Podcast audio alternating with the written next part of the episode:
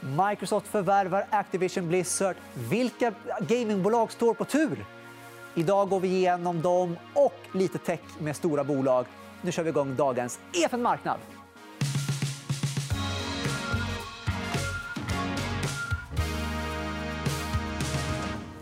Ett mycket spännande ämne och en mycket spännande gäst. Johan Roslund, varmt välkommen tillbaka. Tack så mycket. Det händer ju en hel del inom detta segment inom just gaming just nu, senaste veckorna. Och ja, du, vad, hur ska vi summera Microsofts förvärvsstig? För nu pratar alla om Activision, men de har hållit på ett tag ändå att förvärva bolag.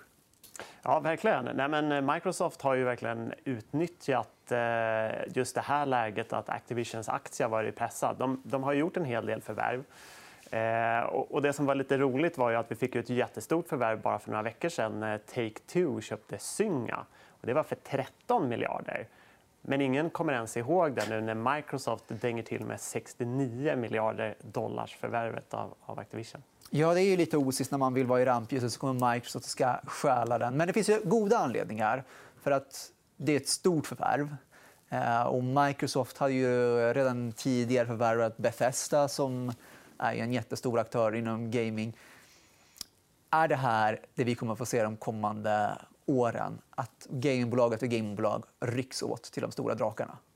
Jag tror det. Jag tror att trenden kommer gå lite som vi ser på video. att Det blir mer och mer subscription. Alltså att man prenumererar för 10-15 dollar i månaden.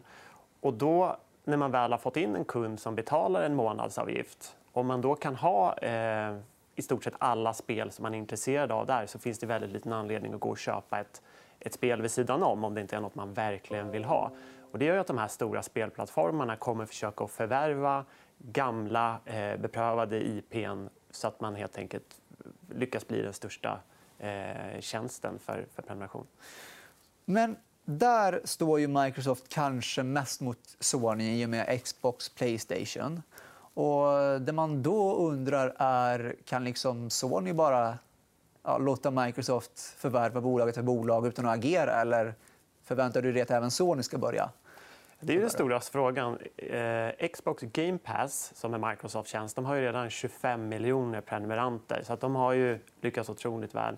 Eh, Playstation Now vet jag inte riktigt hur många de har, men de, de ligger efter. Sen så, Nintendo är den tredje storspelaren. Men har varit lite, lite sen och de kör ju väldigt mycket på liksom, sina egna gamla, eh, gamla IPn. Men Sony får vi se. Jag tror, jag tror säkert att det kan komma nåt storförvärv. Eh, det finns ju några stora spelare kvar med väldigt öppen ägarbild. Så att... Men just Sony har ju gått lite en annan väg. De har ju Playstation Now, som du pratade om, vilket är deras streamingtjänst. Men de har ju också Playstation Plus, som någonstans numera behövs för alla online-spel där de liksom samlar någon form av subscription som ja, eh, och där ingår ibland eh, spel och så får man ha spel i månaden och så vidare. Tror du ändå att det kommer gå till Microsofts Game Pass-versionen att alla, kommer bara liksom, alla som ska in i spelsegmentet måste ha en subscription där spelen ingår men man betalar per månad? Jag tror det är så man kommer i alla fall försöka sälja spel. Eftersom man ser på börsen så många spelutvecklare så har ju de haft historiskt sett en väldigt ryckig kursutveckling. Just för att man har haft de här perioderna när man släpper ett stort spel, det säljer bra och sen så går intäkterna ner ganska kraftigt under, under en period. Eh, så det, det, tror jag branschen kommer att försöka att, att skifta mot. Ja, jag tycker vi går in på vilka bolag som eh, kan tänkas köpas upp. Och då har du med dig en graf med lite börsvärden. Eh, och ja, du. Activision Blizzard den rycker. Så eh, vad är härnäst? Vem rycker? Nej, men man kan se först Activision. De handlas ju inte upp till budet än så länge. Det finns ju en 10-15% kvar. Det kommer ta ungefär ett och ett halvt år innan det, innan det slutförs. Och vi får se konkurrensmyndigheterna vad de säger. Men vad jag har kunnat förstått liksom, av experter så, så, så kommer det gå igenom. Själva contentdelen är inte så eh, lika konkurrenshämmande som till exempel distribution. Men det vi har kvar då, som stora aktörer, om vi räknar Nintendo, är, är ju lite mer en plattform i sig så har vi kvar EA, eh, vi har kvar Take-Two eh, som stora amerikanska aktörer med öppen ägarbild. Eh, vi har svenska Embracer som har faktiskt kommit upp ganska rejält i storlek. Men som förvärvsobjekt så är ju de så pass splittrade. De har ju så många ja. olika, olika delar. och Nu har de brädspel, och de har film och de har fysisk distribution. Så att mindre troligt att någon av de stora vill köpa Embracer. Men till exempel ett Remedy eller ett Ubisoft. Det måste ju vara hett villebråd som eh, tänkbara förvärv. Mm. Remedy kommer ju nästan lite utanför den här, eh, den här börsvärdeskalan. De är ju ganska små, så de skulle vara en ganska enkel munsbit. Duktiga på actionspel. Eh, de, har jag, de skulle jag nog kunna sätta ganska mycket på att om några år så är de uppköpta. Ubisoft har ju en ägarfamilj, Gimott, som nästan äger 20% Kursen har ju gått förskräckligt, om man får säga det. Det har varit förseningar och så vidare. Men om de vill sälja så, så tror jag att det är många som är intresserade. Men eh, är det ägarbilden man ska kika på för det som kan vara intressanta förvärvsobjekt? Att är det en besvärlig ägarbild som inte vill sälja då, då är det helt enkelt inte en förvärvskandidat eller inte en prioritet förvärvskandidat. Skulle tro att det man egentligen kanske ska fokusera på är de som har ett fåtal starka eh, IPn. Det är de jag tror kommer bli uppköpta. Sen så kommer man överens med huvudägaren som äger stor del så kanske det kan vara lättare att få igenom det än att om det är väldigt fondägt. Vi har ju sett ibland att en del fonder sätter sig emot och det kommer hedgefonder och, och vill blockera bud. Vi, har, eh, vi hade eh, Carl Armfelt från Tim Fonder med oss förra eh, veckan. och Han snackade om att Stillfront skulle kunna vara ett typiskt förvärvsobjekt. Att någon bara rycker i det. Han pratar ju lite egen bok självklart eftersom han är ägare. Men Stillfront handlas ju till ganska låga multiplar. Jag tror det är nästan ensiffriga ev ebitda-multiplar eh, just nu. Men man ska också komma ihåg att mobilspel, när man inte har några starka titlar är ganska svårt för att publiken är väldigt flyktig och man får liksom köpa om kunderna väldigt ofta. Så att det finns nog kanske en anledning till att de är ganska lågt värderade just nu. Så om man ska summera det här någonstans så handlar det inte så mycket om börsvärdet eller ägarförhållandena utan det viktigaste är starka IPn. Även om det är några få så är det hellre bättre än många mindre IPn. Mm. Och hur ser du att detta kommer urarta sig alltså, kommande året? Är det så att det kommer att bli förvärv redan i år eller kommer det här snarare lugna marknaden? Att det, det dröjer innan Microsoft gör nästa bud? Och det... Eller hur tror du det här kommer att bli? Ja, men sektorn har ju pressats lite. De fick ju en väldig uppsving i corona och nu har nästan hela den effekten om man ser börskursmässigt. Eh, den är nästan tillbaka vad det var innan, innan eh, corona. Eh, så att jag tror att många spelbolag eh, med tanke på värderingen så är det nog många av, av de stora techjättarna som, som tittar lite närmare. Och framförallt när man kanske som Facebook med, som bytte namn till Meta och nu vill växa inom inom gaming eh, som är en viktig del av det eh, kommer nog kika mer mot, eh, mot att förvärva gamingbolag. Likaså Google som har en 100, 100 miljarder dollars kassa. Namedroppa. Vad ska Facebook förvärva? Alltså jag tror drömförvärvet är Roblox. Om man ser att de är, de är båda de stora metaverse contenders där ute. Eh, Roblox har ju över 40 miljoner dagliga spelare. Eh, har gått bra sen börsintroduktionen. Eh, Facebook skulle kunna lägga ett bud med eh, 40 budpremie och om man betalar med aktier då så skulle det motsvara ungefär 6% av Facebooks eh, eller Metas börsvärde. Så det skulle kunna vara en intressant affär. Nej, men okej. Och om du fick välja ett objekt som du tror definitivt kommer att bli förvärvat, vilket skulle det vara? Det finns ju väldigt många olika... Det beror på lite vem man ser som förvärvare. Alltså, eh, Remedy har ju redan sagt för att de är så pass små och väldigt nischade. Eh, det vore, en, en kul affär att se är ju om någon tog EA med stora sportbrand och med Sims. Eh, det skulle bli en värdig eh, utmanare då till Microsoft plus Activision. Så att, det ska bli spännande. Och eh, om vi då går till, från de bolag som ska bli uppköpta till de som ska köpa upp. Eh, vi snackar om Microsoft och Sony.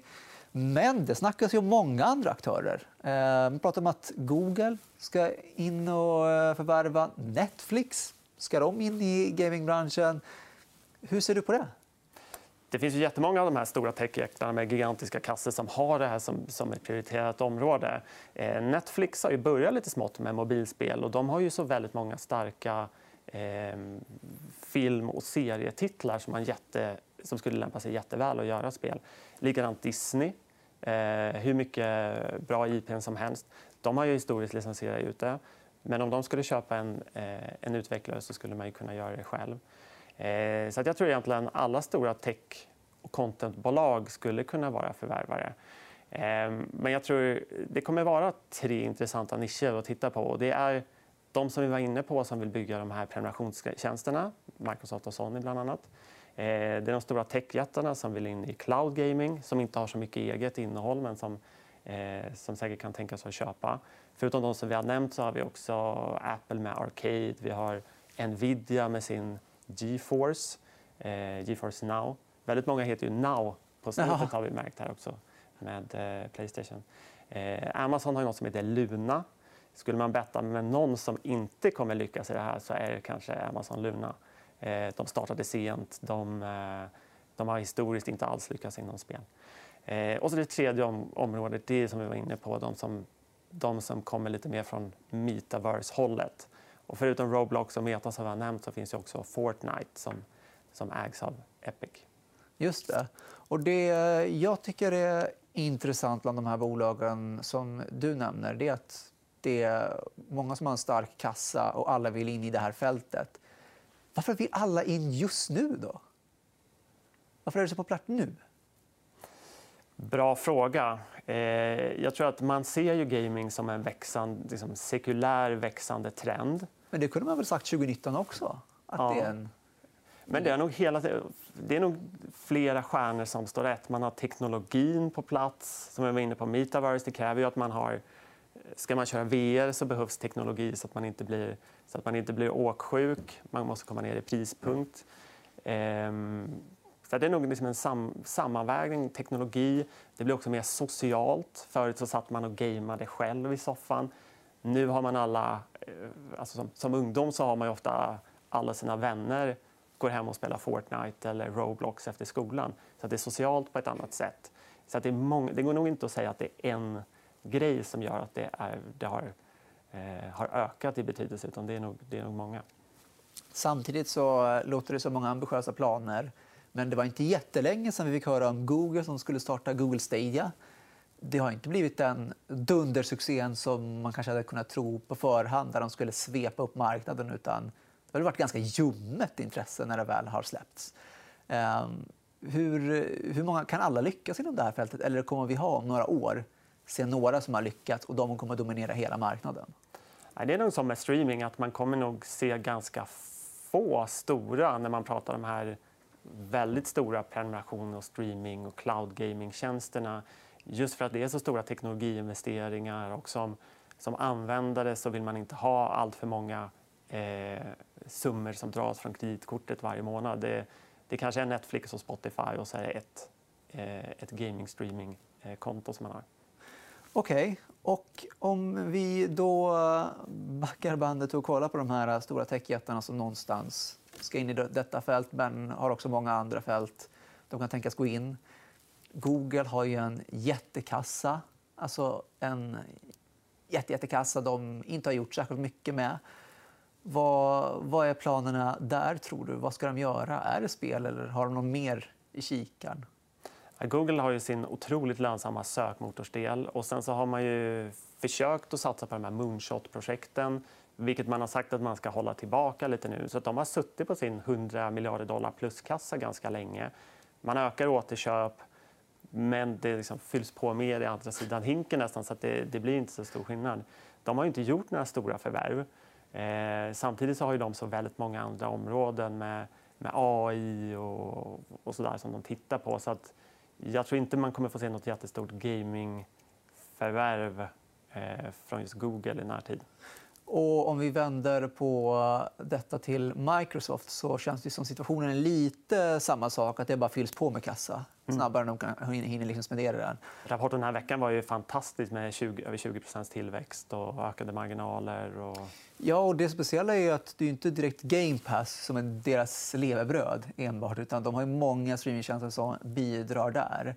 Uh, är Microsoft den ultimata liksom, prenumerationsaktien? Nej, men det var ju det som var det roliga. Att det, det var ju faktiskt gamingen som presterade sämst nästan. Den växte väl runt, runt 10% men då ser man så här, Azure molnverksamheten, det var väl 40% och LinkedIn var ju däromkring också. Eh, och väldigt många som du säger, av de här delarna i Microsoft är ju prenumerationsintäkter. Man prenumererar numera på, på Office 365 och man prenumererar som företag på Azure och så har man Game Pass. Så det är otroligt säkra intäkter. Och så på, eh, liksom, som icing on the cake på det så har de faktiskt höjt priserna eh, på många av de här prenumerationerna som inte ens har slagit in i den här rapporten. Så det kommer vi se under, under det här året i, i vinsten. Det låter ju sannoliken som det är muntra miner där i, hos Microsoft. Um, men då är frågan, är det inte bara för dem att bara plöja ner och förvärva EA härnäst och förvärva nästa? Eller när kommer Konkurrensverket liksom sätta stopp? Hur, hur, stor risk finns det av regulatorisk risk? Liksom? Ja, nej men ett EA, då skulle det nog faktiskt börja bli lite svårt att få igenom det med, med amerikanska konkurrensmöjligheterna. Eh, jag tror de kommer vara lite mer selektiva nu. Men de har ju verkligen, om man tittar på vad Lars Wingefors har gjort i Embracer och byggt liksom underkoncerner så har de ju verkligen många underkoncerner nu som i sin tur kan förvärva mindre. Eh, de har ju svenska King till exempel eh, som kan då vara som mobil, mobilstudion för, för Microsoft. Och eh, Netflix som... Eh, ja, vi pratade lite grann om att ha lite mobilspel där och så. Men det som kanske är mest intressant med dem just nu är att aktierna faller tillbaka rätt rejält.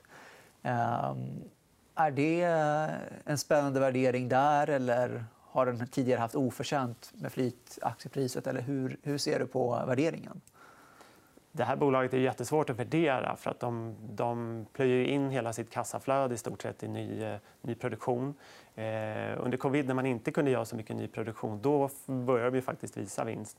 Eh, men man får ju se deras massiva användarbas som ju är global på ett annat sätt än många andra streamingtjänster som är en jättestor tillgång. Eh, och de har ju sagt, eh, Reed Hastings som är, som är vd är ju extremt duktig. Det är en av de bästa managementen tycker jag i, i techsektorn. Eh, och han har ju liksom sagt att gaming är ett fokusområde. Man har börjat köpt lite, lite mobilspel och, och släppt lite mobilspel. Stranger Things bland annat. Eh, men jag tror att de har ju så många eh, brands som de kan göra av. Eh, så där skulle det finnas en logik att, att köpa duktiga, duktiga spelutvecklare. Men tror du att Netflix kommer lyckas med sin gamingsatsning? De har inte pengar på det sättet och eftersom man redan spenderar så mycket på, vid, på, på sin videodel så kan man ju inte, kan man inte köpa nåt jättedyrt. Eh, så att jag tror de kommer behöva vara smarta, kanske hitta nya former. De har ju redan börjat experimentera med att göra göra video där man kan välja lite vilken väg man ska gå. Man skulle ju kunna tänka så där att medan man... Ja, just det. Black Mirror hade de ett avsnitt ja, exakt. man kunde Som jag tyckte var jättebra, men det har inte kommit så mycket efter det. Jag trodde det var början på en trend. Ehm, men där kan man ju tänka sig också att när man är, när man är mitt inne i nåt så kanske man kan köra en liten side story och liksom spela och så kan man fortsätta där man, där man slutade i spelet men då fortsätta titta på, på, på serien. Mycket intressant. Du får som avslutning säga en sak du kommer titta mest på eller är mest nyfiken på 2022 som är mest spännande inom tech slash gaming. Det finns ju så otroligt mycket. Men du får bara välja en. Ja. Eh, nej, men cloud gaming eh, tycker jag är jätteintressant. När man får det att funka, att man inte behöver lägga ut en massa pengar för hårdvara, då tror jag att gaming kommer ta lite nästa, nästa steg. Cloud gaming. Mm. Ja, tack så mycket för det, Johan Roslund. Det var det vi hann med idag. Vi EFN Marknad är ju tillbaka på onsdag som vanligt. Missa inte oss då. På återseende.